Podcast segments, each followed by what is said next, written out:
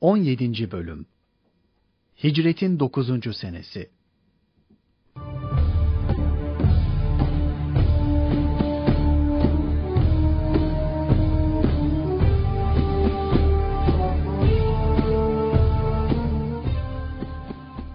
Etrafa vali ve zekat memurlarının gönderilmesi. Hicretin 9. senesi Muharrem ayı. Bu tarihe kadar birçok kabile İslam'la şereflenmiş, birçok memlekette İslam topraklarına katılmıştı. Bu memleketlerin idaresi ve halkına mükellefiyetlerinin bildirilmesi gerekiyordu. Bu maksatla Resul Ekrem Efendimiz Hicretin 9. yılı Muharrem ayında İslam memleketlerinden bazılarına valiler ve halktan zekat toplamak için de zekat tahsil memurları tayin edip gönderdi. Resul Ekrem'in gönderdiği vali ve zekat tahsil memurlarına emir ve tavsiyeleri şuydu. Halkın kusurlarına karşı affedici davranınız ve en iyi mallarını almaktan sakınınız. Yemen'in güzel kasabalarından biri olan San'a ve yine Yemen'in Hadramut bölgesiyle Süleymler, Müzeyneler, Cüheyneler, Kilab oğulları, Kab oğulları, Resul Ekrem Efendimizin vali ve zekat memurları gönderdiği memleket ve kabilelerden bazılarıydı. Bu valiler idari işlerle meşgul olmaktan başka halk arasında çıkan davalara da bakıyorlar, onları İslami hükümlere göre halletmeye çalışıyorlardı. Zekat memurları ise gittikleri kabilelere İslam'ın zekat mükellefiyetini anlatarak zenginlerinin bu mali ibadeti yerine getirmeleri gerektiğini bildiriyorlardı. Bazı kabileler bu mükellefiyetlerini seve seve yerine getirdiler. Bir kısım kabilelerse önce bu mali mükellefiyeti ağır bularak memurları hoş karşılamadılar. Ancak sonradan bu hareketlerinden vazgeçerek zekatlarını vermeye başladılar. Mekke'nin fethi İslam'ın en parlak ve şerefli bir zaferiydi. Çünkü bu fetihle senelerden beri Hazreti Resulullah'la Kureyş müşrikleri arasında süregelen amansız mücadele İslam'ın galibiyetiyle netice bulmuştu. Arabistan'daki kabileler de yıllardan beri devam ede gelen bu çetin mücadeleyi yakından ve dikkatle takip etmişlerdi. Önce bu mücadelede Resul-i Kibriya'yı kavmi olan Kureyşlilerle baş başa bırakmayı tercih etmişler ve onu kavmi olan Kureyşlilerle baş başa bırakınız ve şüphesiz kendisi sözünde doğrudur ve peygamberdir demişlerdi. İşte etraftaki kabilelerin yakından takip ettikleri bu şiddetli mücadele Mekke'nin fethiyle İslam'ın üstünlüğü, şirkin mağlubiyet ve perişanlığıyla son bulmuştu. Artık onlar için tek yol kalmıştı. İslam'ın şefkatli sinesine bir an evvel koşmak. Gayet iyi biliyorlardı ki Mekkeli müşriklerin bunca düşmanlık ve kuvvetlerine rağmen söndüremedikleri bir davayı kendileri de söndüremezler ve onun yayılmasını engelleyemezler. Bu sebeple Mekke'nin fethini takip eden günlerde hicretin 9. yılı başlarında civar kabilelerin Müslüman olmak için Medine'ye akın akın geldikleri görülüyordu.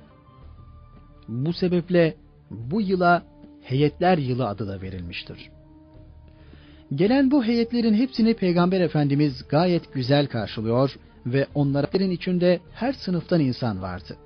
Hepsi de Resul-i Ekrem'in yüksek ahlak ve faziletine, ashabının nazik ve insani hareket ve davranışlarına hayran kalarak yurtlarına dönüyorlardı. Hz. Resulullah, hicretin 9. senesi Muharrem ayı başlarında Asaf'tan Büsr bin Süfyan'ı Huzalılardan Beni Kab kabilesine zekatlarını almak üzere göndermişti. Kab oğulları gelen memura teslim etmek üzere hayvanlarından düşen zekatı bir tarafa ayırmışlardı. Fakat aynı yerde oturan Temim kabilesi bilmesine karşı çıkmış, hatta kılıçlarını sıyırarak Büsr hazretlerini öldürebileceklerini bile ishardan çekinmemişlerdi.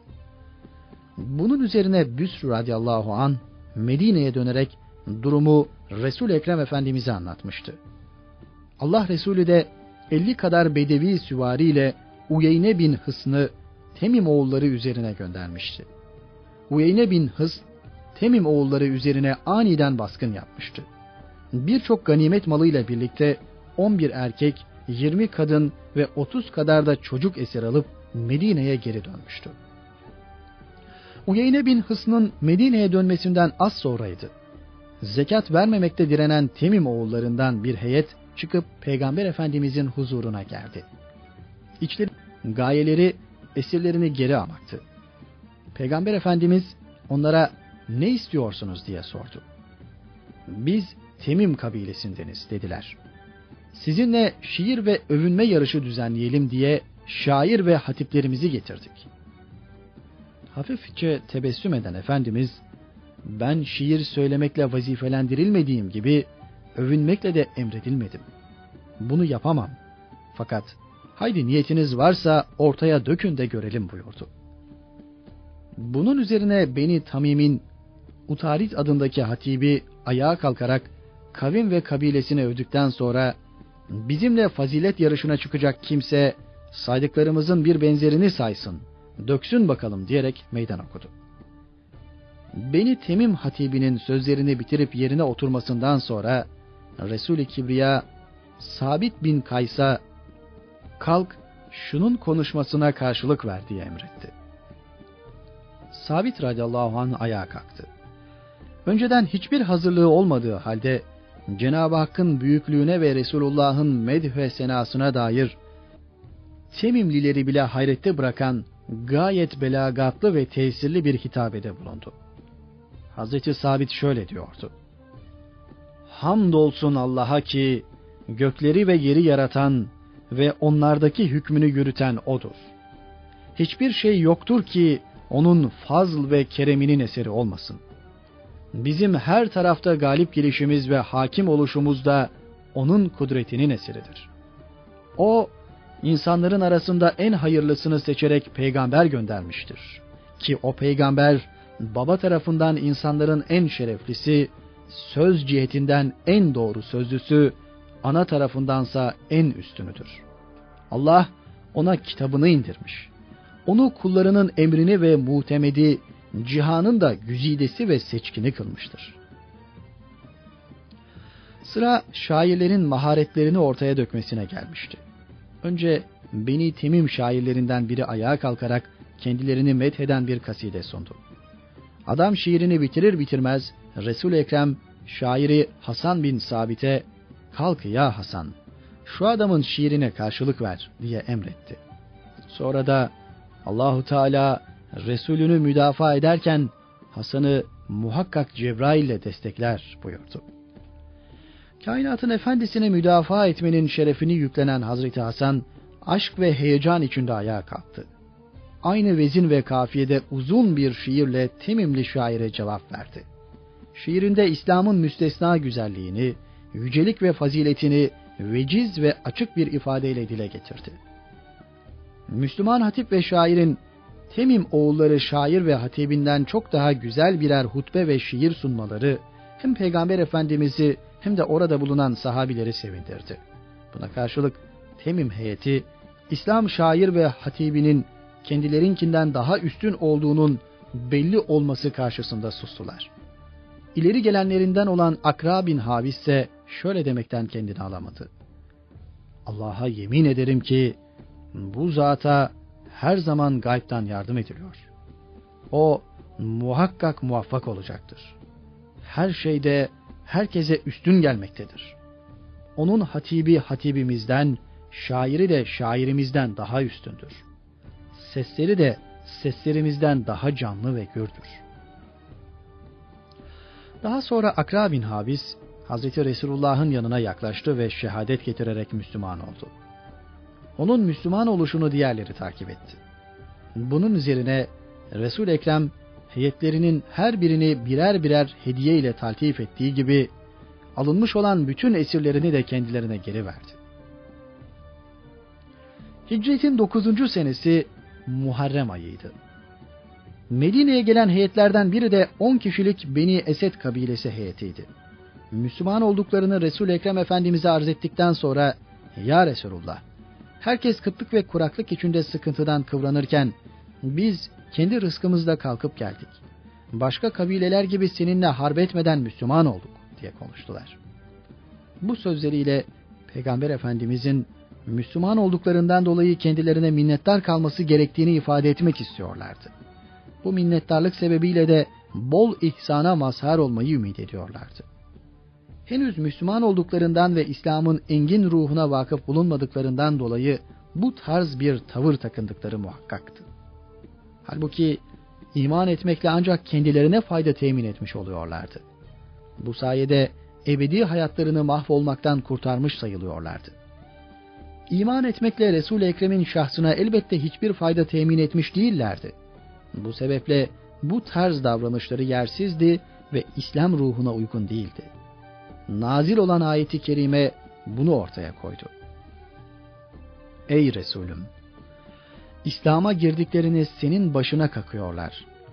Onlara de ki, Müslüman oluşunuzu başıma kakmayınız. Doğrusu sizi imana hidayet buyurduğundan Allah sizin başınıza kakar. Eğer imanınızda sadık kimselerseniz. Hucurat Suresi 17. Ayet Müminin vazifesi kainatta en büyük ve en yüksek hakikat olan imanı elde etmiş olmasından dolayı Cenab-ı Hakk'a şükür ve hamdır. Bunun dışında imanında mukabil hiçbir maddi manevi menfaat beklememeli, hatta kalben arzu etmemelidir. Zira iman nimetine kavuşmanın ve Müslümanlık şerefiyle şereflenmenin karşılığı olarak verilecek mükafat uhrevidir. Ancak o alemde Cenab-ı Hak fazl ve keremiyle bu eşsiz mükafatı ihsan eder. İman ve Kur'an'a ait hizmetlerin sevap ve mükafatları da uhrevidir. Ahirette verilir. Binaenaleyh hem iman edip Müslüman olan hem de Kur'an'a ve İslamiyete hizmet eden Müslüman bu hizmetlerinden dolayı dünyevi bir mükafat ve menfaat beklememelidir. Bekleyip kalben arzu ettiği takdirde dindeki ihlasını kaybetmiş sayılır. İhlasın zayi olması ise ibadetlerin makbuliyet sırrını ortadan kaldırır. Allah korusun insanı manen müflis duruma sokabilir. Bunun yanında iman ve Kur'an'a hizmet eden bir insan istemediği ve kalben arzu etmediği halde maddi bir mükafata bu hizmetinden dolayı nail olsa bunu Cenab-ı Hakk'ın kendisine bir ihsanı bilip verenlerin minneti altına girmemeli.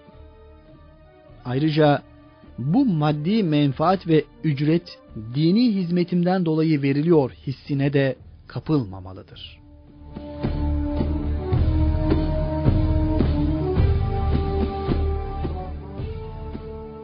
Tay kabilesi puthanesinin yıktırılması. Tay kabilesi fevkalade cömertliği dillere destan olan meşhur Hatemi Tayi'nin kabilesiydi. Yemen'de otururlardı. Hicretin 8. senesinde Hatemi Tayi vefat etmiş, kabile reisliğini oğlu Adi üzerine almıştı. Mekke'nin fethinden sonra Arabistan'ın her tarafı putlardan temizlenip puthaneler yıktırılırken bu kabilenin puthaneleri henüz duruyor ve Fels adındaki putları da yıktırılmamış bulunuyordu. Resul Ekrem Efendimiz hicretin 9. yılı Rebiülahir ayında Hazreti Ali'yi Ensar'ın ileri gelenlerinden 150 kişilik bir kuvvetle Füls'ü yıkmaya gönderdi. Hazreti Ali emrindeki mücahitlerle Tay kabilesi yurduna vardı. Tay oğulları mücahitlere karşı koydular. Çarpışma meydana geldi. Düşman birçok kayıp verdi. Müslümanlar çarpışmadan galip çıktılar ve birçok esirle bol miktarda ganimet malları elde ettiler. Bu arada Tay oğulları puthanesi de bir daha onarılmayacak bir şekilde mücahitler tarafından yıkıldı. Putları Fülse parçalanarak yakıldı. Kabile reisi Adi bin Hatem henüz Hazreti Ali gelmeden durumu haber almış ve Suriye tarafına kaçmıştı. Bu sebeple ele geçirilememişti. Ancak esirler arasında Hatemi Tayi'nin Seffane adındaki kızı vardı. Hazreti Ali memur olduğu vazifeyi yerine getirdikten sonra esir ve ganimet mallarıyla Medine'ye döndü. Esirler arasında bulunan Seffane, Mescid-i Nebevi'nin kapısında bir odaya konuldu. Oldukça zeki, ağırbaşlı bir kadındı. Günün birinde resul Ekrem bu odanın yanından geçerken Seffane ayağa kalkarak ''Ya Resulullah, babam dünyadan göçmüş, kardeşimse kaçmış bulunuyor. Kurtulmak için verecek hiçbir şeyim yok hürriyete kavuşmam için yüksek affına, merhamet ve şefkatine sığınıyorum dedi. Resul-i Ekrem kim olduğunu sorunca Seffane kendisini şöyle tanıttı. Ya Resulullah, ben aileleri koruyan, esirlerin esaret bağlarını çözen, açları doyuran, çıplakları giydiren, misafirleri ağırlayan, yemekler yediren, selamlaşmayı yayan Hatemi Tayin'in kızıyım. Sefani'nin kendisini böyle tanıtmasından memnun olan Resul-i Ekrem, Ey kadın! Bu saydıkların gerçekten müminlerin sıfatlarıdır. Keşke baban Müslüman olsaydı da onu rahmetle ansaydık buyurdu. Bu sözleriyle Peygamber Efendimiz mühim bir gerçeği ortaya koyuyordu. Her kafirin her vasfının kafir olması gerekmediği gerçeğini. Evet, Hatem-i İta'yı Müslüman değildi ve Müslüman olmadan da ölmüştü. Ama az önce zikredilen sıfatları Müslüman sıfatlarıydı. Resul Ekrem de bu sözleriyle Hatem'in bu Müslümanca sıfatlarını takdirle karşılıyordu. Bunu takdir etmekle kalmayıp Sefvani'yi de serbest bırakarak hürriyetine kavuşturdu. Layık olandan şefkat ve merhametini, af ve safını asla esirgemeyen Resul-i Kibriya bununla da kalmadı. Sefvane'ye bol bol ikramda bulundu. Ona elbise ve yol harçlığı vererek güvenilir bir kafile ile de Şam'a kardeşinin yanına gönderdi. Doğruca Şam'a varan Sefvane derhal kardeşini buldu. Peygamberimizden gördüğü insani muameleyi anlattı. Kız kardeşine yapılan bu şefkatli muamele Ali'nin mana aleminde dalgalanma meydana getirdi. Ve bu zat hakkındaki fikrin nedir diye sordu. Fahri alemin mübarek simalarını bir kerecik gören ve onun bir tek insani muamelesine mazhar olan Seffane, tereddüt etmeden bana sorarsan hemen gidip ona tabi olmanı tavsiye ederim dedi. Ali bir müddet düşünceye dalınca kız kardeşi buna hiç gerek olmadığını şu sözleriyle belirtti. Neden düşünüp duruyorsun? Eğer peygamberse ona bir an evvel tabi olur, büyük hayır ve fazilete erersin. Yok, eğer hükümdarsa hiçbir şey kaybetmezsin. Yemen'deki saltanatın yine elinde kalır. Üstelik hor ve hakir de görülmezsin. Ali kız kardeşinin tavsiyesini uygun buldu. Derhal Medine'ye gelerek Peygamber Efendimizin huzuruna çıktı. Babası gibi meşhur olan bu zatı Hazreti Resulullah evinde ağırlayıp misafir etmek istiyordu. Mescitten çıkıp hane-i saadetlerine doğru beraber yürüdüler. Bu sırada önlerine bir kadın çıktı. Kadın ihtiyacı için uzun uzadıya konuştu. Hazreti Resulullah sabırsızlık göstermeden ve rahatsızlık duymadan onu dinliyordu. İhtiyar kadına karşı Efendimizin bu güzel muamelesini ve nezaketini müşahede eden Adi, yalnız kendisine işittirmek istiyormuşçasına mırıldandı. Vallahi o hükümdar değildir. Kala kala ikinci ihtimal kalmıştı. Öyleyse peygamberdir, dedi. Beraberce hane-i saadete vardılar. Efendimiz Adi'yi deriden bir şiltenin üzerine oturtmak istedi. Ancak o buna razı olmadı oraya oturmaya kendisinin layık olduğunu söyledi. Fakat peygamberimiz oturmadı ve yine onun oturması için ısrar etti. Bu ısrar üzerine Adi deriden şültenin üzerine geçip oturdu. Hazreti Resulullah ise bu değerli misafiri karşısında çıplak yerde oturdu. Efendimizin tevazuunu ve misafire karşı gösterdiği alaka ve nezaketini ortaya koyan bu davranışı Adi'nin gönlünü biraz daha yumuşattı ve imana bir nebze daha yaklaştırdı. Bundan sonra Hazreti Resulullah onun Müslüman olmaya davet etti. Bu davetini üç defa tekrarladı. Ne var ki Adi bu davete o anda müsbet cevap vermekten kaçındı. Ben dedi Hristiyanım. Bunun üzerine kainatın efendisi şöyle konuştu. Ey Adi! Belki de onun dinine insanların zayıf, fakir ve güçsüz kimseleri giriyor diye söylenmiş olmasından dolayı İslam'a girmekten geri duruyorsun. Vallahi öyle bir gün gelecek ki o Müslümanlar bol servete kavuşacaklar. Hatta mala talip olacak kimse bile bulamayacaklardır. Yine Müslümanlar az, düşmanları çok diye düşünmüş olabilir ve bunun için de Müslüman olmaktan çekiniyor olabilirsin. Sen Hiyere'yi bilir misin? İşte bu din öylesine bir emniyet, bir asayiş temin edecek ki bir kadın tek başına Allah korkusundan başka hiçbir korku duymayarak yereden kalkıp Kabe'yi tavaf etmeye gidecektir. Bu konuşma Adi'nin gönül kapısını İslam'a açtı ve orada Müslüman olmakla şereflendi. Ashab-ı kiramın büyüklerinden olan Adi bin Hatem işte bu zattır.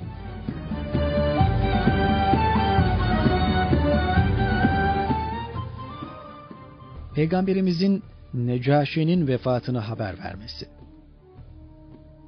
Hicretin 9. senesi Recep ayından bir gündü. Hazreti Resulullah'ın etrafında birçok sahabi vardı. Bu sırada bugün sizin salih bir kardeşiniz vefat etti. Kalkın onun namazını kılın diye buyurdu. Sahabiler derhal hazırlandılar ve Hazreti Resulullah'ın arkasında saf bağlayarak salih kardeşleri üzerine gayip namazı kıldılar. Namazdan sonra Resul-i Ekrem kardeşiniz Necaşi Ashame için Allah'tan mağfiret talep ettik buyurdu. Bunun üzerine sahabiler salih kardeşlerinin Habeş hükümdarı Ashame olduğunu öğrenmiş oluyorlardı. Medine'ye yaklaşık bir hafta sonra gelen haber Habeş imparatorunun aynı günde vefat ettiğini bildiriyordu. Habeş Necaşisi Ashame, Hazreti Resulullah tarafından bir mektupla hicretin 7. senesinde İslam'a davet edilmişti. Ashame derhal Müslüman olmuştu. Müslüman elçiye de keşke şu saltanata bedel Muhammedi Arabi'nin hizmetkarı olsaydım. O hizmetkarlık saltanattan çok daha üstündür demişti.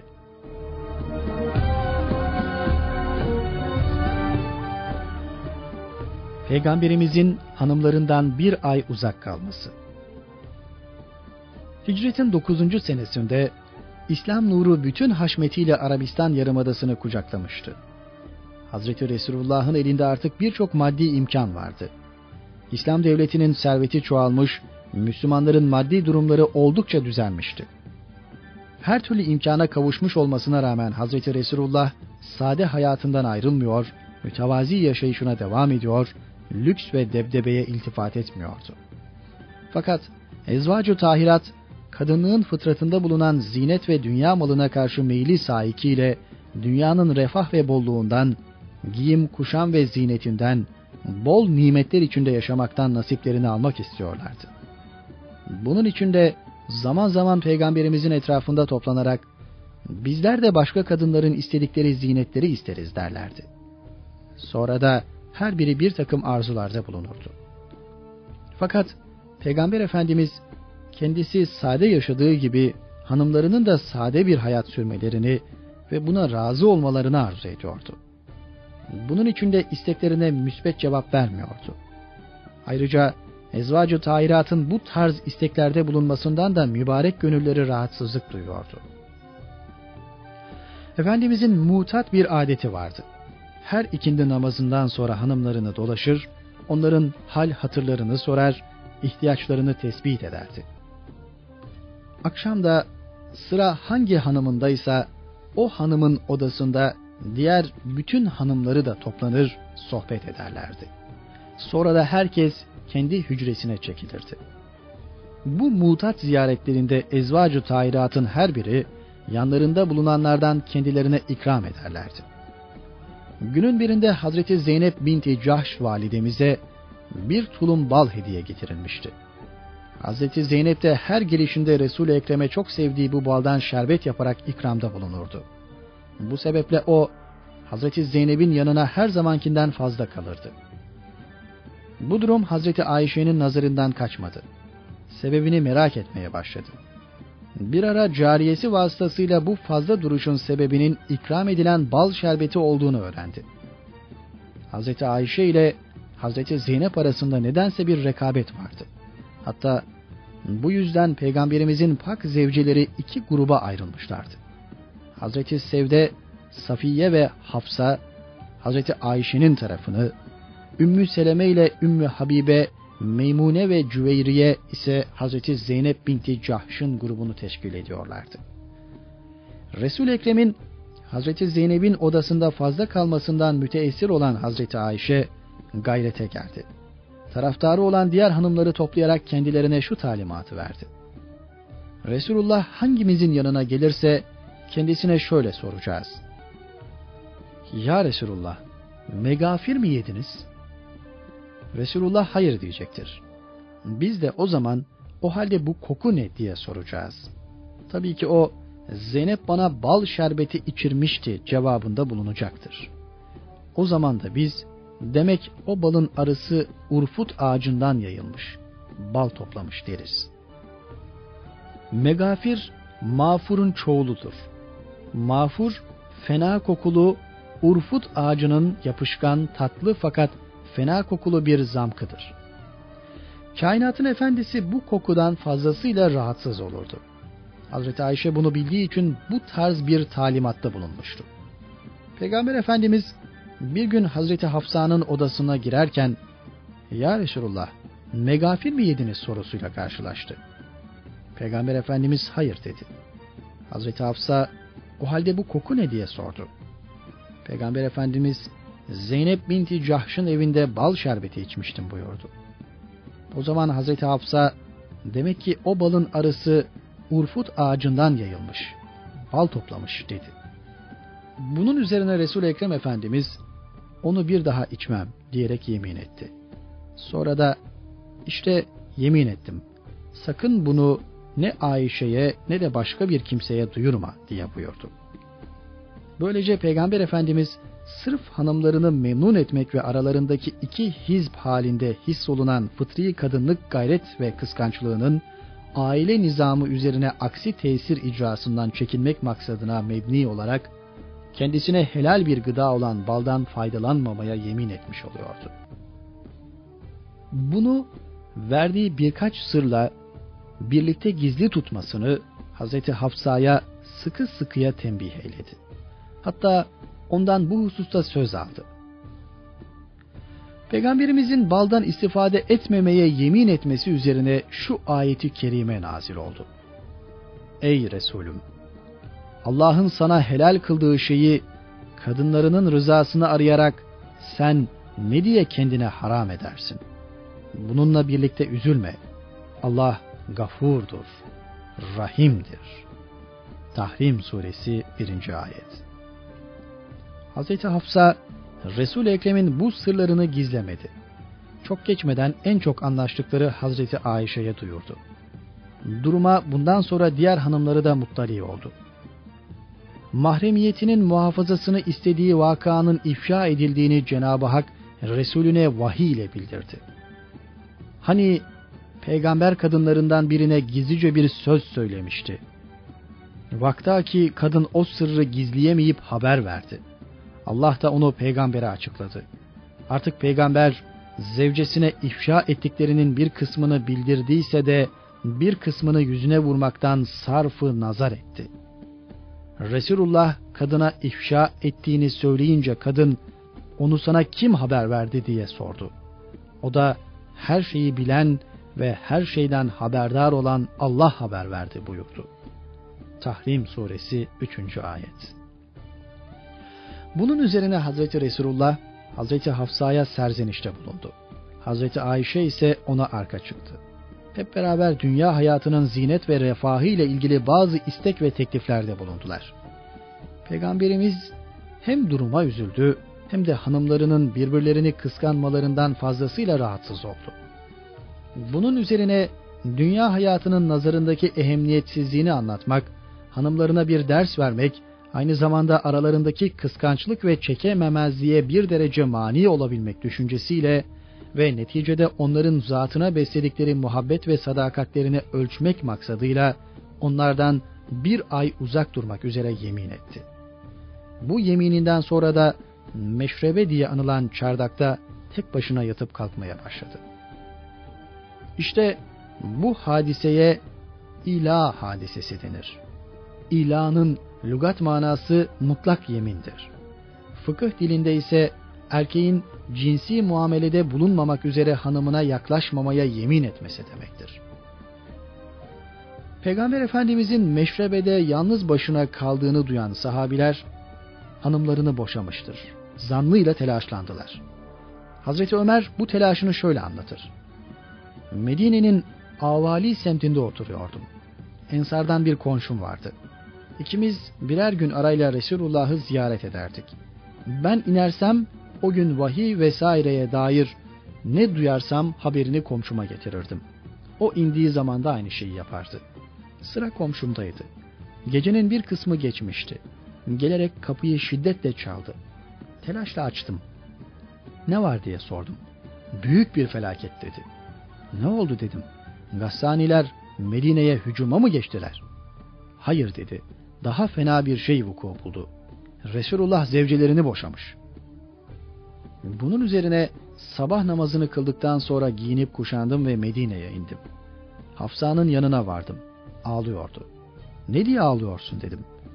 Ben seni bundan Resulullah'a karşılık vermekten, kendisinden bir şey istemekten sakındırmamış mıydım? Sonra sordum. Allah Resulü sizleri boşadı mı? Bilmiyorum dedi. Resulullah şimdi nerede diye sordum. Şuradaki meşrebede, inzivaya çekilmiş dedi. Kalktım, Resulullah'ın bulunduğu yere yaklaştım. Kapıda hizmetçisi Rebah vardı. Ey Rebah, Resulullah'ın yanına girmem için izin iste, dedim. Rebah içeri girip çıktı. Arzusunu arz ettim. Sustu bir şey söylemedi dedi. Dönüp mescide gittim. Ashab-ı kiramdan bazıları minberin etrafında üzgün üzgün oturuyorlardı. Bazısı ise ağlıyordu. Ben de biraz oturdum. Fakat canımın sıkıntısı bir türlü geçmiyordu. Resulullah'ın odasına tekrar yaklaştım. Rebaha Ömer'in içeri girmesi için izin iste dedim. Köle içeri girip çıktı. Seni kendisine söyledim, sustu bir şey söylemedi dedi. Tekrar mescide döndüm. Minberin yanında bir müddet oturdum. Endişe ve üzüntümden bir türlü kurtulamıyordum. Yine Resulullah'ın bulunduğu odaya yaklaştım. Sesimi yükselterek, Ey Rebah! Ben Resulullah'ı görmek istiyorum. Müsaade iste. Şayet Resulullah benim Hafsa lehinde tasavvutta bulunacağımı zannediyorsa, yemin olsun ki eğer Resulullah emrederse onun boynunu uçururum. Rebah içeri girdi. Çıkınca kendilerine söyledim. Sustu bir şey söylemedi dedi. Bunun üzerine dönüp giderken kölenin ikinci sesini işittim. Gir artık sana izin verildi. İçeri girdim. Allah Resulüne selam verdim. Hasırdan örülü bir yatak üzerindeydi. Hasır derisinin üzerinde izler bırakmış, çizgiler belli oluyordu. Etrafıma bakındım. Bir yanda bir avuç arpa, diğer yanda asılı bir post gördüm. Gözlerim yaşardı. Resulullah niçin ağlıyorsun diye sordu. Ya Resulullah nasıl ağlamayayım ki? Kisralar, Kayserler dünyanın zevki sefasını sürerken siz Allah'ın en sevgili kulu olduğunuz halde bu basit şartlar içinde yaşıyorsunuz. Resulullah ey Hattab'ın oğlu Ömer dünya nimetinin onların ahiret saadetinin de bizim olmasına razı değil misin diye sordu. Sonra ya Resulullah kadınlarını boşadın mı diye sordum. Mübarek başlarını bana doğru kaldırarak hayır buyurdular. Bu cevap karşısında birdenbire Allahu Ekber dedim. Bütün ashab keder içindeler. Gidip kendilerine hakikati söyleyeyim mi? Resulullah olur dedi ve yüzünden üzüntüsü dağılıncaya kadar konuştu. Nihayet şenlendi ve gülmeye başladı. Bunun üzerine çıkıp mescidin kapısına dikildim ve yüksek sesle bağırdım. Resulullah kadınlarını boşamamıştır. Bir ay dolunca Resulullah inzivadan çıkarak hanımlarıyla görüşmeye başladı. Bu sırada şu ayeti kerime nazil oldu. Ey Nebi Zişan!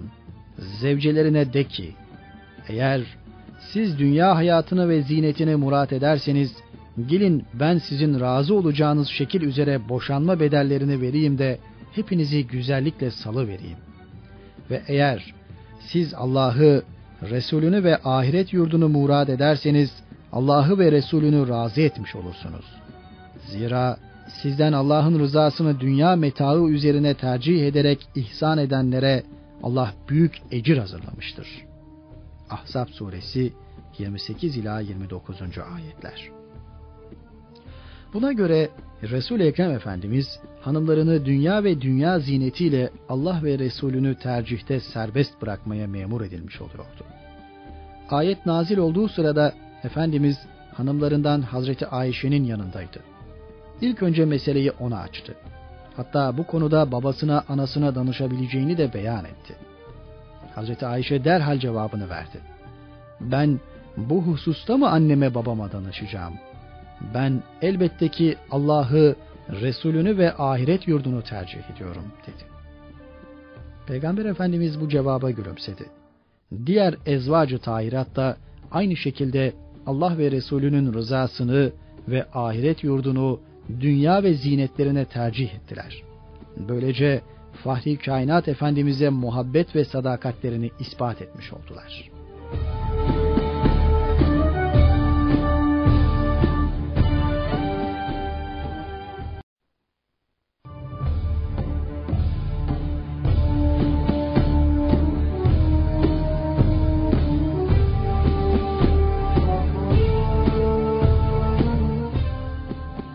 Hicretin 9. senesi Rebiül ayı. Beni Beli heyetinin Müslüman oluşu. Bu tarihte Beni Beli kabilesinden bir heyet Medine'ye geldi. Peygamber Efendimizle görüşüp huzurda Müslüman oldular. Heyetin büyüğü Ebu Dabit bu arada Peygamber Efendimiz'e bazı sorular sordu. Ya Resulullah dedi. Ben misafirleri ağırlamayı seven biriyim. Bundan dolayı bana ahirette bir sevap var mıdır?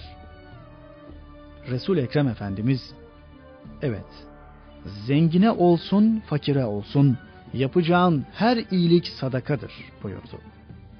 Bu cevaptan memnun olan Ebu David bu sefer ya Resulullah misafirliğin müddeti ne kadardır diye sordu. Resul Ekrem Efendimiz üç gündür. Bundan sonra oturmak misafir için uygun olmaz buyurdu. Peygamber Efendimiz bu hadiseyle misafirliğin hududunu çizmiştir. Mümin, misafir mümin kardeşini üç gün yedirip, içirmek ve barındırmakla vazifelidir. Üç gün geçtikten sonra bu mükellefiyet üzerinden düşer. Bundan sonra onu ağırlayıp ağırlamamakta serbesttir. Beli heyeti üç gün kaldıktan sonra Resul Ekrem Efendimizin verdiği hediyelerle yurtlarına döndüler.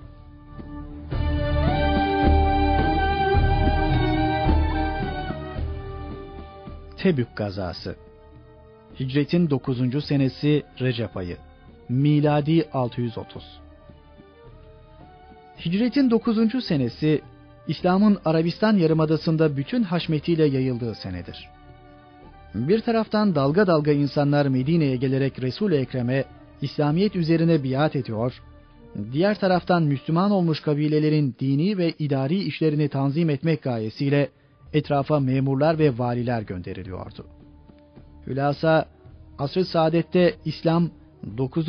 Hicri senede en şaşalı ve ihtişamlı devrini yaşıyordu. Ancak parlayan bu güneşin haşmetini çekemeyen devletler de vardı.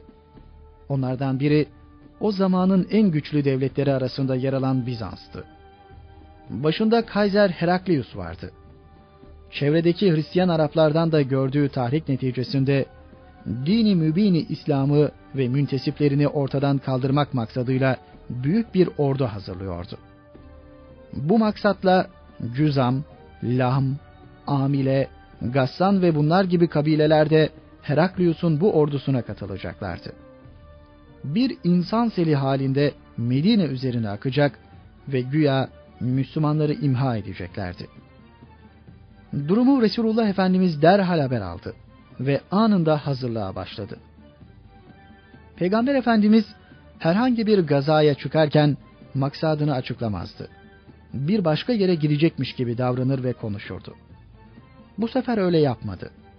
Halkın ona göre hazırlanması için gidilecek yerin uzaklığını, zamanın kıtlık ve yokluk zamanı olduğunu, düşmanın da çokluğunu açıkça mücahitlere bildirdi. Medine içinde harp hazırlıkları başlarken Peygamber Efendimiz etraftaki Müslüman kabilelerle de haber gönderiyor ve harp için mücahit istiyordu. Her tarafta kıtlık ve kuraklık hakimdi. Harbe iştirak edecek mücahitlerin birçoğunun silah satın alacak, harp hazırlığı için sarf edecek paraları yoktu. Resul Ekrem Müslüman zenginleri harp hazırlığı ve teçhizatı için yardıma çağırdı. Hali vakti yerinde olan Müslümanlar bu davete derhal icabet ettiler. Hazreti Ömer, Nebi Ekrem Efendimizin davetine koşanların başındaydı. Kendi kendine, bugün Ebu Bekir'i geçeceğim diyordu. Malının yarısını alıp Peygamber Efendimiz'e getirdi. Resul Ekrem, ey Ömer, ev halkına ne bıraktın diye sordu. Hazreti Ömer, size getirdiğimin bir mislini bıraktım dedi. Hazreti Ebu Bekir, bütün serveti olan 4000 dirhem gümüşü alıp huzuru risalete getirdi. Hazreti Ömer, onun ne getirmiş olduğunu merakla öğrenmek istiyordu. Peygamber Efendimiz, ey Ebu Bekir, ev halkına ne bıraktın diye sordu.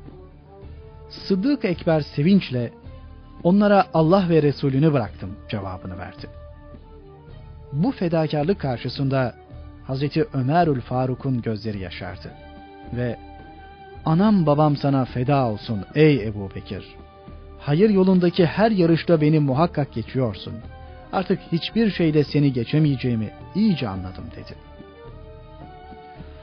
Zinnureyn lakabının sahibi Hazreti Osman o sırada Şam'a göndermek üzere bir ticaret kervanı hazırlamıştı.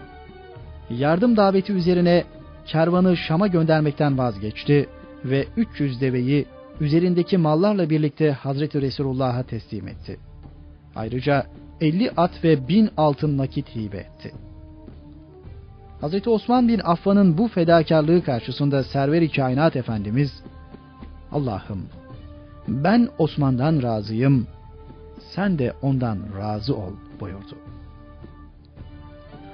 Hazreti Resulullah'ın yardım davetine Abdurrahman bin Avf 4000 dirhemle koştu.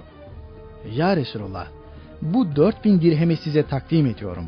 Bir o kadarını da ev halkım için bıraktım, dedi. Resul-i Ekrem, getirdiğin de ev halkına bıraktığın da bereketli olsun buyurdu. Resul-i Kibriya Efendimizin bu duası bereketiyledir ki Abdurrahman bin Avf Hazretleri vefat ettiği zaman dört hanımından sadece her birisinin miras hissesine 18 bin miskal altın düştüğünü görmüşlerdi.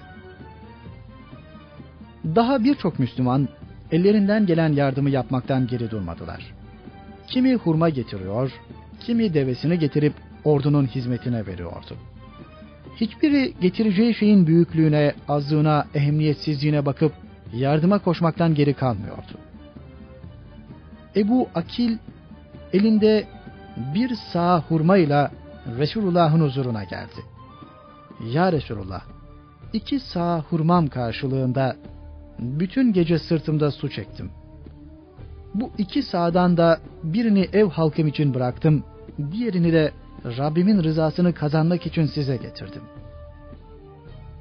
Bundan son derece mütehassis olan Resul-i Kibriya Efendimiz, Allah senin getirdiğini de ev halkına bıraktığını da bereketli kılsın diye buyurdu ve getirilen hurmaların sadakalar kısmına dökülmesini emretti.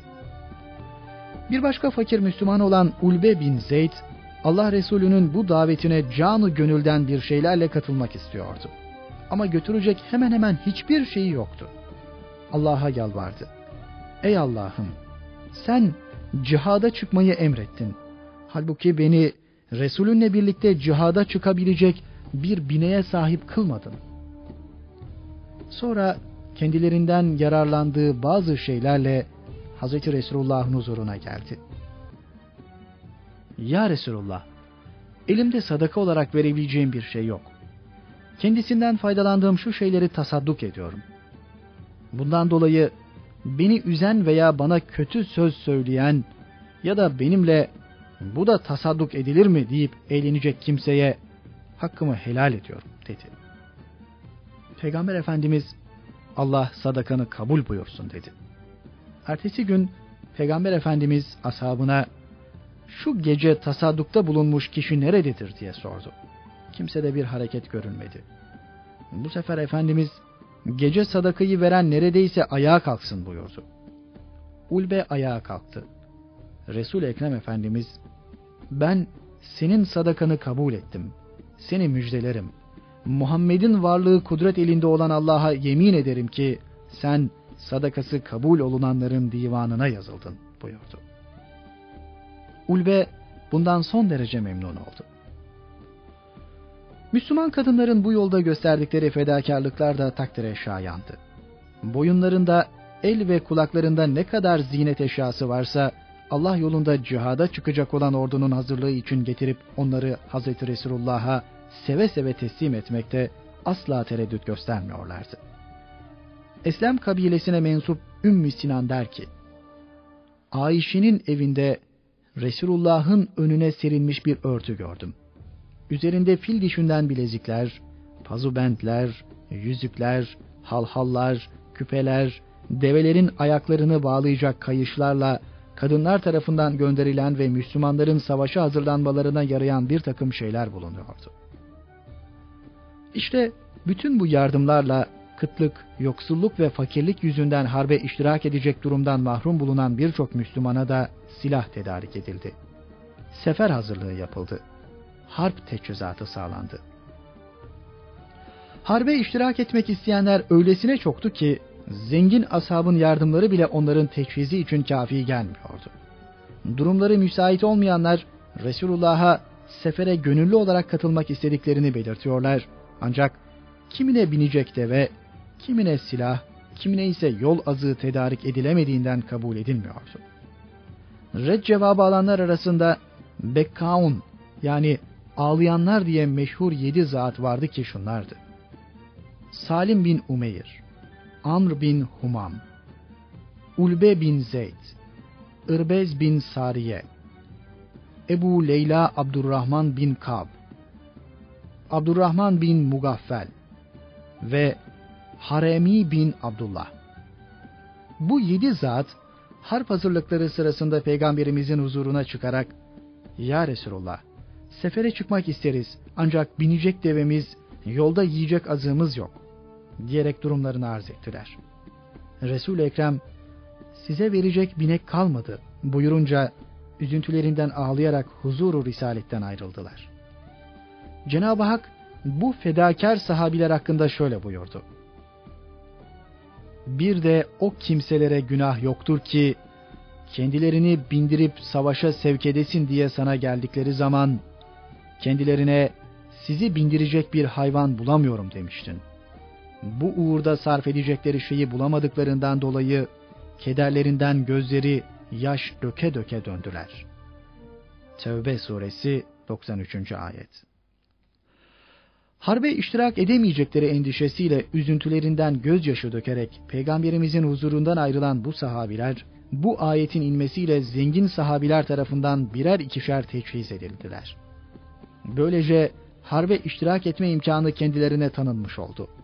Rivayete göre bunların üçünü Hazreti Osman bin Affan, ikisini peygamberimizin amcası Hazreti Abbas, ikisini de Yamin bin Umeyr harp için teçhiz etmişlerdir.''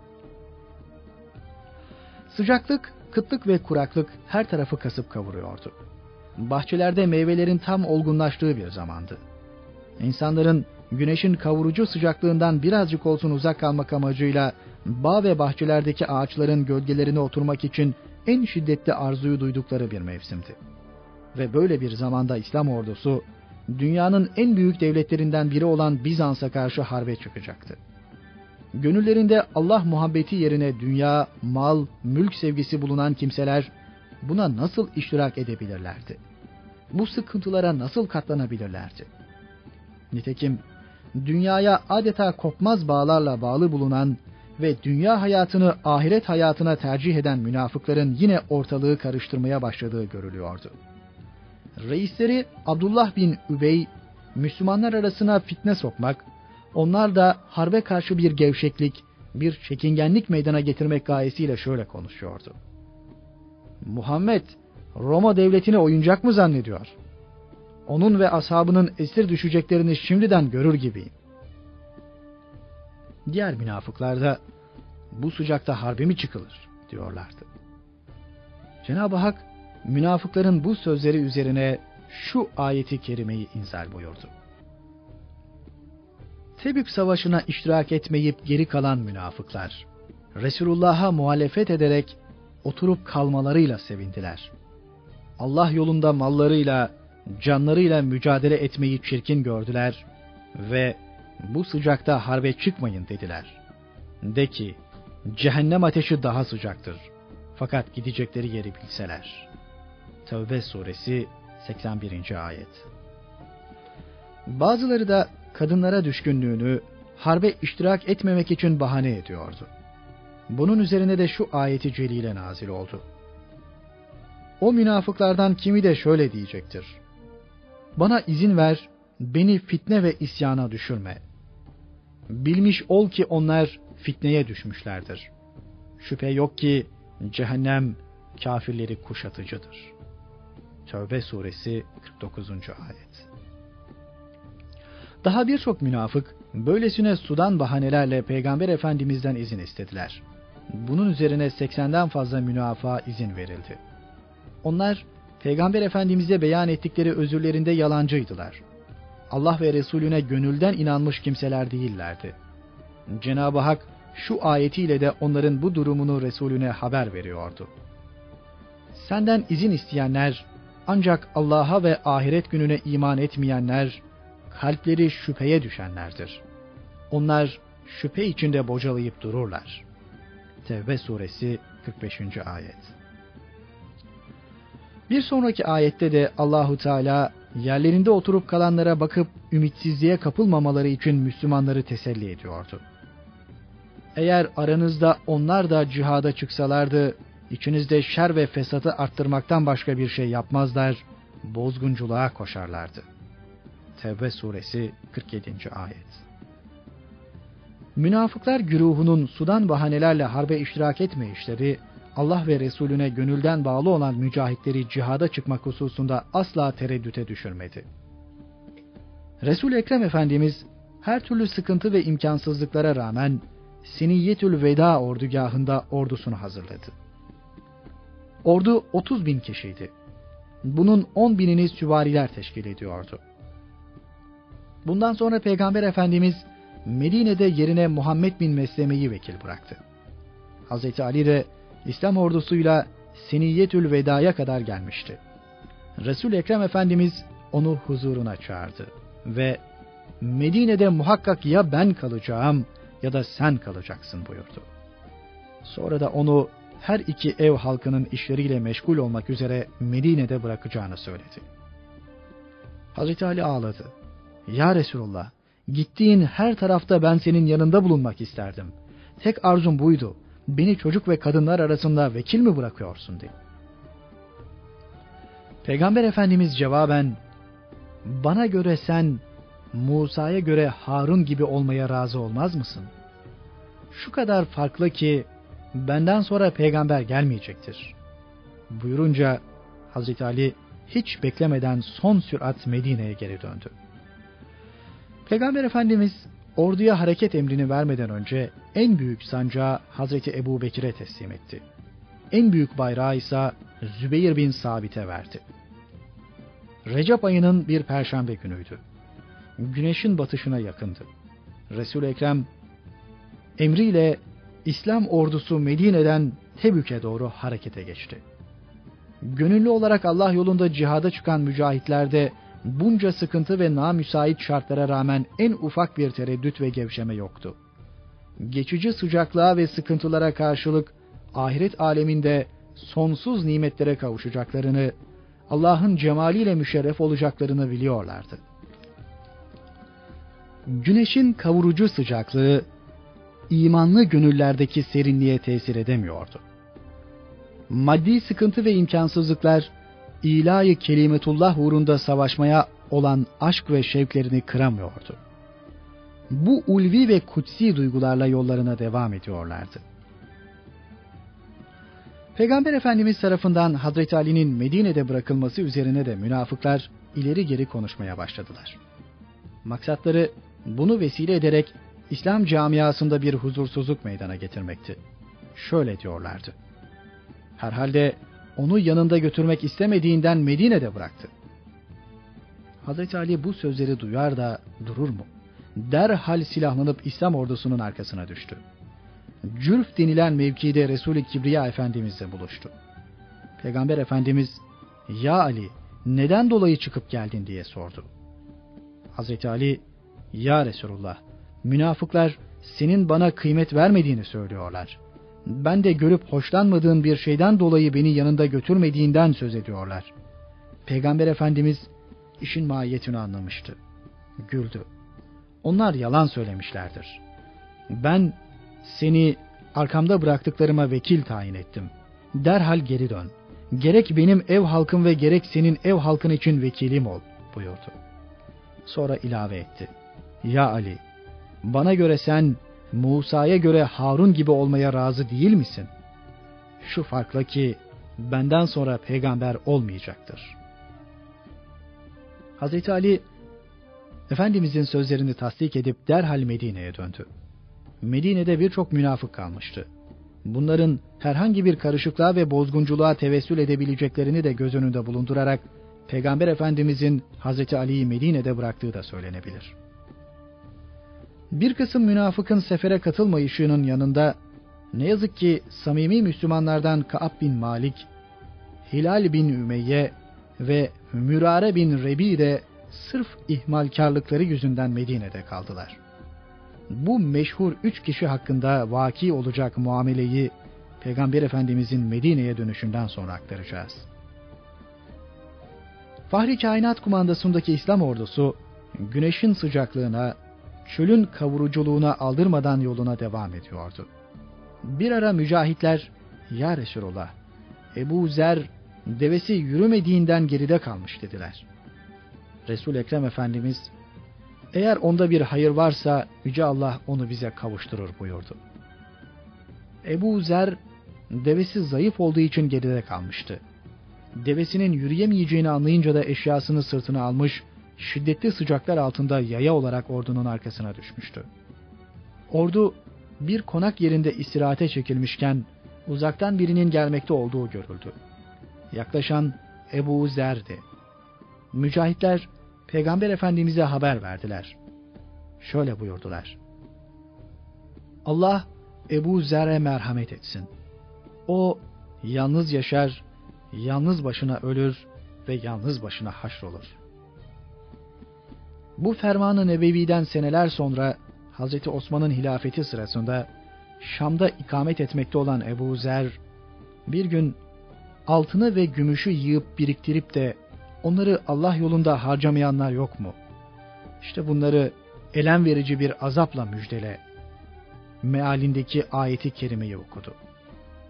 Hz. Muaviye bu biz Müslümanlar hakkında değil, ehli kitap hakkındadır deyince Hazreti Ebu Zer hayır bu hem bizim hem de ehli kitap hakkındadır cevabını verdi. Bu sebeple aralarında tartışma ve münakaşa çıktı. Hazreti Muaviye bunun üzerine Ebu Zer Şam halkını rahatsız ediyor diye yazıp onu Hazreti Osman'a şikayet etti. Hazreti Osman da onu Şam'dan Medine'ye çağırdı. Medine'ye gelen Hazreti Ebu Zer'e İslam halifesi yanımda kal. Bütün ihtiyaçlarını karşılayayım diye teklifte bulundu.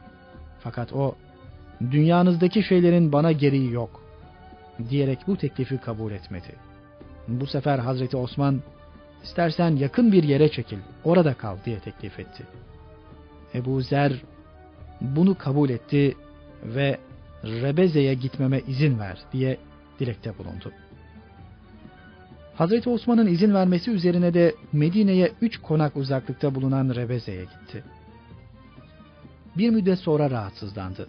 Yanında sadece zevcesiyle hizmetçisi vardı. Onlara ölünce beni yıkayınız, kefenleyiniz, sonra da cenazemi yolun ortasına koyunuz. Yanınıza uğrayacak ilk binitli yolculara bu Resulullah'ın sahabisi Ebu Zer'dir. Gömülmesi için bize yardım ediniz deyiniz diye vasiyet etti. Hanımı ağlamaya başlayınca niye ağlıyorsun diye sordu. Hanımı sen ölüp gidersen ben ne yaparım? Elimde avucumda hiçbir şey bulunmadığı gibi seni saracak bir kefen bile yok dedi. Bunun üzerine Ebu Zer ağlamayı bırak dedikten sonra şöyle konuştu. Bir gün birkaç kişiyle birlikte Resulullah'ın huzurundaydık. Şöyle buyurdular. İçinizden birisi kır bir yerde vefat edecek. Cenazesinde müminlerden küçük bir cemaat hazır bulunacaktır. O mecliste benimle birlikte bulunanların hepsi cemaatler içinde vefat ettiler. Sağ kalan bir tek ben varım. Şimdi de ben kır yerde ölüyorum. Yolu gözetle. Söylediklerimin doğru çıkacağını göreceksin. Bu sözlerinden bir müddet sonra hicretin 32. senesinde yanında sadece hanımı ve hizmetçisi bulunduğu halde vefat ederek Hz. Resulullah'ın 20 sene önce verdiği haberi tasdik etti. Vefat edince zevcesiyle hizmetçisi onun vasiyetini yerine getirdiler. Yıkayıp kefenledikten sonra cenazesini yolun ortasına koydular. Tam o sırada umre yapmak üzere Iraklılardan küçük bir kafile çıka geldi. İçlerinde meşhur fakih Abdullah bin Mesud da vardı. Hizmetçisi ayağa kalkıp bu Resulullah'ın sahabisi Ebu Zer'dir. Gömülmesi için bize yardım ediniz deyince Hz. Abdullah bin Mesud'un kendisini tutamayarak hüngür hüngür ağlamaya başladı ve Resul-i Kibriya'nın seneler önceki fermanını tekrarladı. Ebu Zer yalnız başına yaşar, yalnız başına ölür ve yalnız başına haşrolur. Sonra da hep beraber bu büyük sahabinin cenazesini defnettiler. İslam ordusu Hıcr mevkiine vardı. Burası 8. konak yerleriydi. Medine'den 7 merhale mesafede bulunan Şam yolu üzerindeki Hıcr, Hz. Salih'in kavmi olan Semud'un gece yarısından sonra Cenab-ı Hak tarafından estirilen bir toz bulutuyla helak olduğu yerdi. Buraya varınca Peygamber Efendimiz şu azaba uğratılmış olanların evlerine onların uğradıkları azaba uğrayacağınızdan korkarak ve ağlayarak giriniz buyurdu. Mücahitler Hıcr'ın kuyusundan su aldılar. Onunla hamurlarını yoğurdular. Bunun üzerine Resul Ekrem Efendimiz o kuyunun suyundan içmeyiniz. Ondan namaz için abdest de almayınız. Onunla yoğurduğunuz hamuru da develere yem yapınız. Ondan hiçbir şey yemeyiniz diye emretti. Hıcr mevkiinde sabahlayan İslam ordusunda büyük bir susuzluk baş gösterdi. Mücahitlerin su kaplarında su kalmamıştı. Hazreti Ömer o anı şöyle anlatır. O kadar susamıştık ki susuzluktan boynumuzun kopacağını zannettik. Herhangi birimiz gidiyor, yüklerimizin arasında su arıyor ancak orada su bulamadığımız gibi düşüp kalıyorduk. Hatta içimizden biri devesini kesmiş, hörgücündeki suyu içmişti.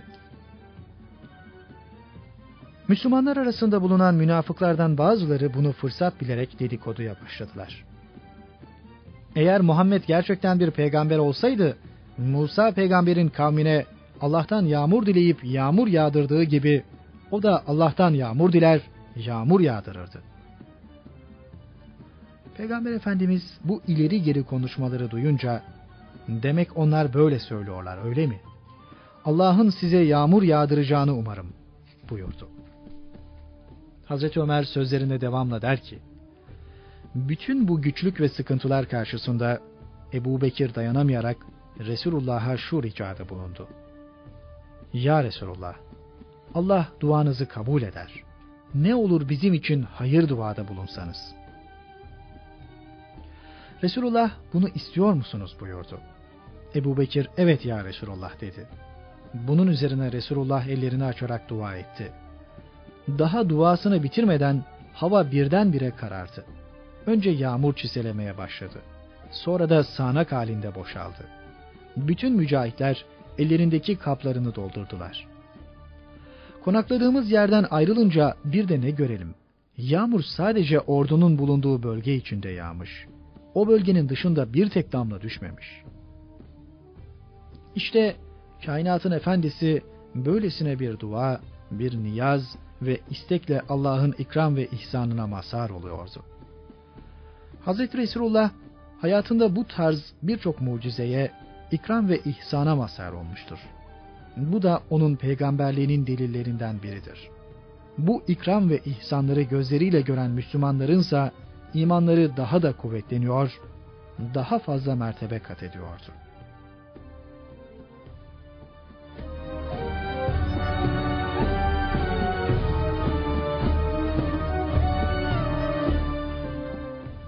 Sefer sırasında bir ara Resul Ekrem Efendimizin devesi Kasva kayboldu.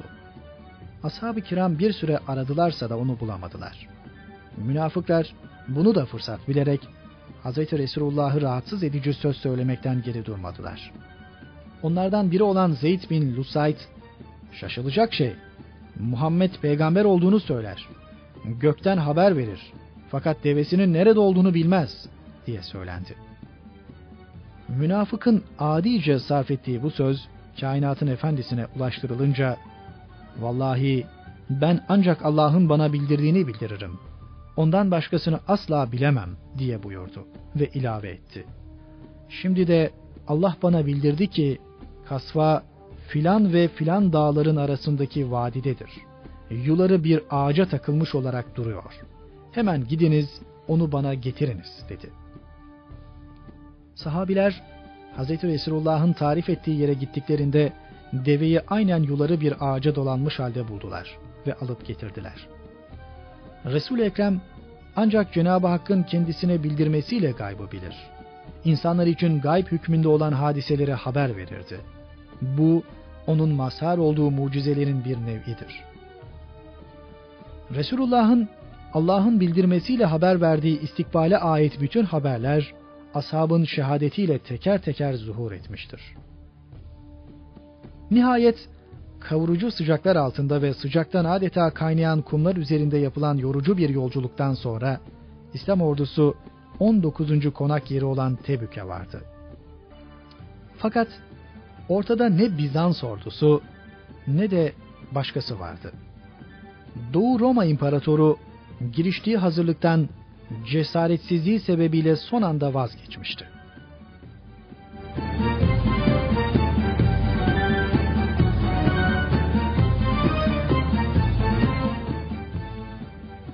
Ebu Hayseme samimi bir Müslümandı. Sırf ihmalkarlığı yüzünden İslam ordusuna katılmayıp Medine'de kalmıştı. İslam ordusunun Medine'den ayrılışından günlerce sonra bir gün işinden evine dönmüştü hanımlarının çardağı süpürmüş, temizlemiş ve soğuk şerbetleri hazırlamış olduğunu görmüştü. Bu manzara birden alemini değiştirdi. Çardağın kapısı önünde dikildi.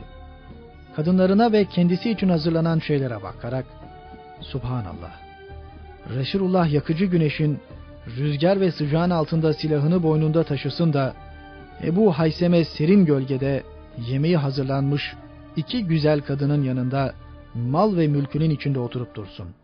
İnsaf mı bu? diye konuştu. Sonra da kadınlarına dönerek, vallahi Resulullah'a gidip kavuşmadıkça hiçbirinizin çardağına girmeyeceğim. Derhal yol azığımı hazırlayınız dedi. Yol azığı hazırlanan Ebu Hayseme derhal Medine'den Tebük'e doğru yola çıktı.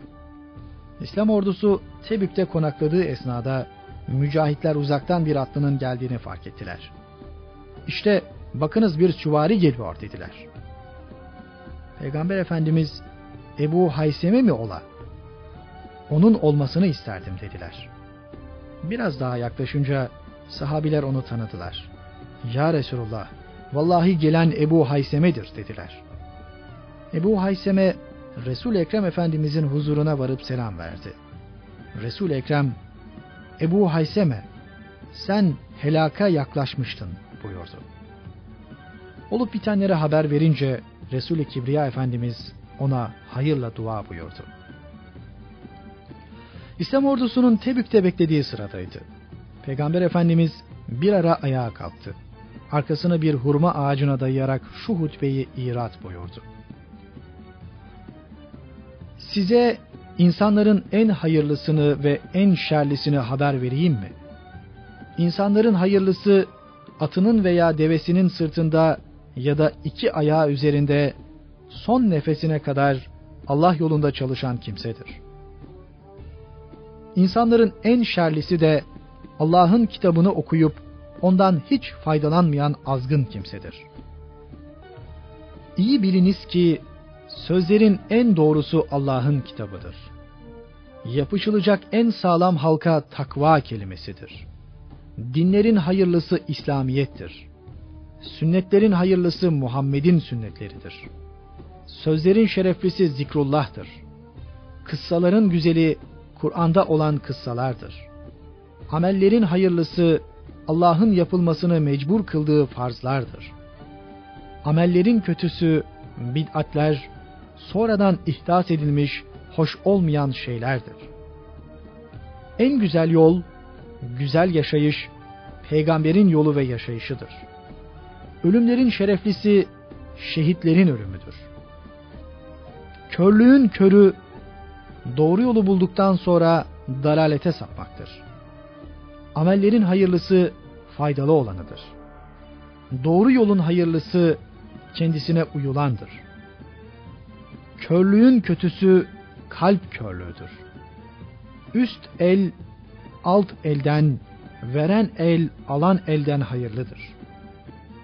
Az olup yetişen şey çok olup Allah'a taatten alıkoyandan hayırlıdır. Özür dilemenin en fenası ölüm gelip çattığı zamankidir. Pişmanlığın kötüsü kıyamet günündekidir. Yanlışları en çok olan dili en çok yalan söyleyendir. Zenginliğin hayırlısı gönül zenginliğidir. Hikmetin başı mahafetullah'tır. Allah korkusudur. Şarap, içki, günahların her çeşidini bir araya toplayandır. Gençlik, delilikten bir bölümdür. Kazançların kötüsü faiz kazancıdır. Yemelerin kötüsü yetim malı yemektir. Mesut kişi başkasının halinden ders ve ibret alandır. Amellerde esas olan neticeleridir. Düşüncelerin kötüsü yalan, yanlış düşüncelerdir.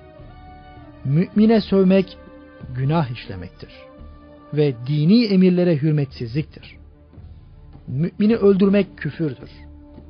Müminin etini yemek, dedikodu ve gıybetini yapmak Allah'ın emirlerine karşı koymaktır. Yalan yere Allah adıyla yemin eden kişi yalanlanır.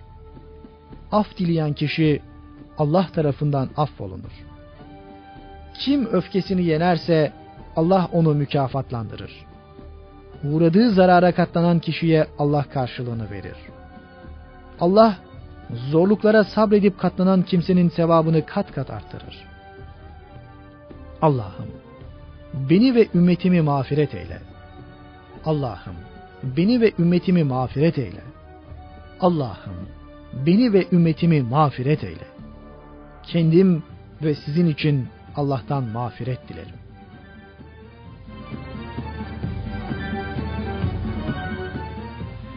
Peygamber Efendimiz Tebük'teyken Şam taraflarında bir yerde veba hastalığının ortaya çıkmış olduğunu duydu.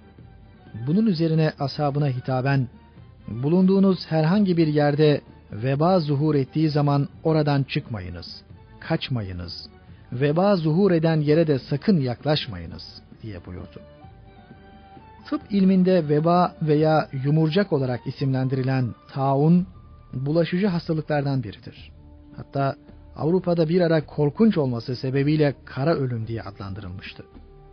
İşte Peygamber Efendimiz az önceki sözleriyle bu hastalığa karşı insanlığın tedbirli davranması gerektiğine ta 1400 küsür sene önce dikkat çekmiştir. Az önceki sözleriyle Resul Ekrem Efendimiz aynı zamanda tıpta mühim bir yer işgal eden karantina usulüne de ta o zamandan işaret buyurmuştur. Tebük'te konaklayan Resul-i Kibriya Efendimiz Şam üzerine yürüyüp yürünmemesi hususunda ashab-ı kiramın görüşünü sordu. Hazreti Ömer söz alıp Ya Resulullah eğer gitmekle Allah tarafından emrolundumsa git diye konuştu. Peygamber Efendimiz eğer o hususta Allah'tan herhangi bir emir almış olsaydım o zaman sizin görüşlerinizi öğrenmek istemezdim diye buyurdu. O zaman Hazreti Ömer fikrini şöyle beyan etti. Ya Resulullah, Rumlar sayıca oldukça kalabalıktırlar. Oralarda Müslümanlardan tek kişi bile yoktur. onların yakınlarına yeterince gelmiş bulunuyorsunuz. Bu derece yaklaşmanız onları korkutmuştur. Uygun görürseniz bu yıl buradan geri dönünüz yahut Allahu Teala size bu husustaki emrini bildirir. Resul Ekrem Efendimiz Hazreti Ömer'in bu görüşünü uygun buldu ve Tebük'ten ileri gitmedi. İslam ordusu Tebük'te beklemeye devam ediyordu. Peygamber Efendimiz bir gece teheccüd namazını kıldıktan sonra çevresinde kendisini bekleyen sahabilere dönerek şöyle buyurdu. Daha önce hiçbir peygambere verilmeyen şu beş şey bana verildi. Birincisi, benden önceki peygamberlerin her biri yalnız kendi kavimlerine gönderilirken ben bütün insanlara gönderildim. İkincisi, yeryüzü bana mescit, namazgah ve temizlik vasıtası kılındı. Bunun için nerede olursam olayım namaz vakti girince su bulunmazsa teyemmüm eder, namazımı orada kılarım. Ümmetimden herhangi biri namaz vakti girince bulunduğu yerde namazını kılsın. Benden önceki peygamberlerden hiçbirisine bu ihsan edilmemişti. Onların ümmetleri namazlarını ancak kilise ve havralarında kılabilirlerdi. Üçüncüsü, ganimetler bana helal kılındı. Halbuki benden önceki peygamberlerin hiçbirine helal kılınmamıştı. Dördüncüsü, bana şefaat makamı verildi. Beşincisi, ben bir aylık mesafedeki düşmanlarımın bile kalplerine korku salmakla yardım olundum. Tebük'ten ileri gitmeme kararı veren Resul-i Kibriya Efendimiz, bu esnada Hazreti Halid bin Velid'i yanına 400 süvari vererek Dümetül Cendel'de bulunan Kindelerin kralı Hristiyan Ükeydir bin Abdülmelik'e göndermek istedi. Hazreti Halid, Ya Resulullah, her tarafını iyice bilmediğim geniş memlekette bu kadar az sayıda insanla gidip onu bulmam nasıl mümkün olur dedi. Resul-i Kibriya Efendimiz, sen muhakkak onu yabani sığır avlarken bulacak ve yakalayacaksın. Yakalayınca onu öldürme, bana getir diye ferman etti. Bunun üzerine Hazreti Halit beraberindeki mücahitlerle Tebük'ten Şam'ın Medine'ye en yakın beldelerinden olan Dümetül Cendel'e doğru hareket etti. Oraya vardığında Resul-i Kibriya Efendimizin haber verdiği gibi Ükeydir'i yabani sığır avlarken görüp yakaladı. Daha sonra onu ve kardeşini alıp Hazreti Resulullah'ın huzuruna getirdi. Peygamber Efendimiz onları Müslüman olmaya davet etti. Buna yanaşmadılar. Fakat cizye vermeyi kabul ettiler. Bunun üzerine kanları bağışlandı. Onlar da Tebük'ten ayrılıp memleketlerine döndüler. Peygamber Efendimiz henüz Tebük'ten ayrılmadığı sırada Eyle hükümdarı Yuhanne bin Rube çıkıp huzura geldi. Sulh yapmak istediğini belirtti. Her sene muayyen miktarda cizye vermek üzere Peygamber Efendimiz onunla anlaşma yaptı. Peygamber Efendimiz ayrıca Yuhanne ve Eyle halkı için şu yazıyı yazdırdı. Bismillahirrahmanirrahim. Bu Allah ve Allah'ın Resulü Muhammed tarafından Yuhanne bin Rube ile Eyle halkından denizdeki gemilerde bulunanları ve karadaki gezenleri için eman yazısıdır. Gerek bunlar ve gerek Şam, Yemen ve deniz halkından Eylelilerle birlikte bulunanlar Allah'ın ve Muhammed peygamberin himayesindedirler. Onlardan bir kötülük işleyeni yanındaki malı koruyamayacaktır. Gerek su almak isteyen, gerek denizde veya karada dilediği yola gitmek isteyene mani olmak helal olmayacaktır. Bunu Resulullah'ın izniyle Cüheym bin Salt ve Şürahbil bin Hasene yazdı. İslam ordusunun Tebük'te ikameti sırasında Şam ülkelerinden Yahudi olan Cerba ve Erzuh halkı da Peygamber Efendimiz'e gelerek cizye vermek suretiyle eman dilediler. Peygamber Efendimiz tekliflerini kabul etti. Bir anlaşma metni yazılarak kendilerine eman verildiği kayıt altına alındı. Tebük'ten ayrılmak üzere hazırlıklar yapılıyordu. Bu esnada sahabilerden bazıları mücahitlerin azıklarının tükenmiş olduğunu ve büyük sıkıntıya düştüklerini gelip şikayet suretinde peygamberimize arz ettiler. Sonra da Ya Resulullah müsaade buyursanız da su taşıdığımız develerimizi boğazlasak onların etini yesek olmaz mı? Peygamber Efendimiz olur öyle yapınız diyerek müsaade etti. Onlar da bunun üzerine gidip develerini kesme hazırlığına koyuldular. Bu esnada Hazreti Ömer yanlarına geldi.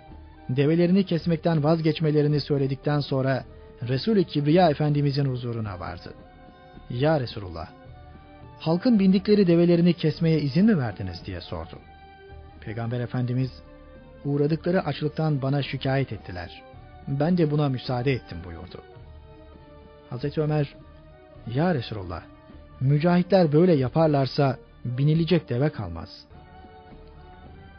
Sen onların arta kalan azıklarını getirt.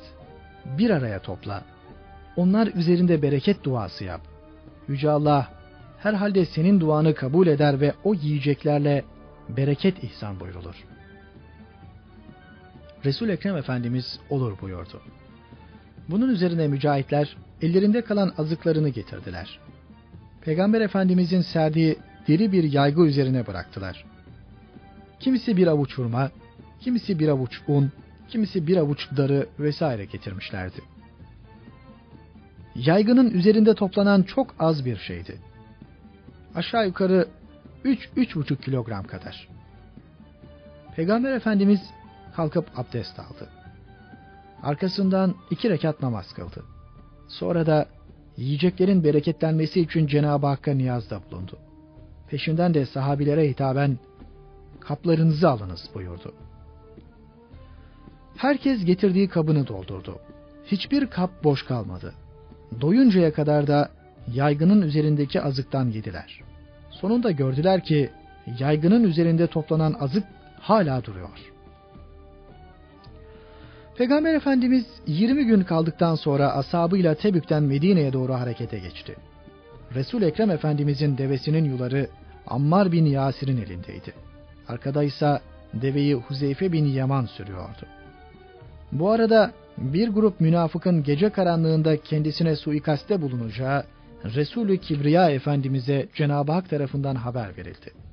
Bu sebeple Resul-i Ekrem devamlı etrafını gözetliyor, her an dikkatli bulunuyordu.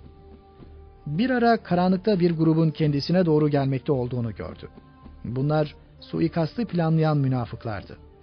Yoldaki dar boğazda Peygamber Efendimiz'i pusuya düşürmeyi planlamışlardı.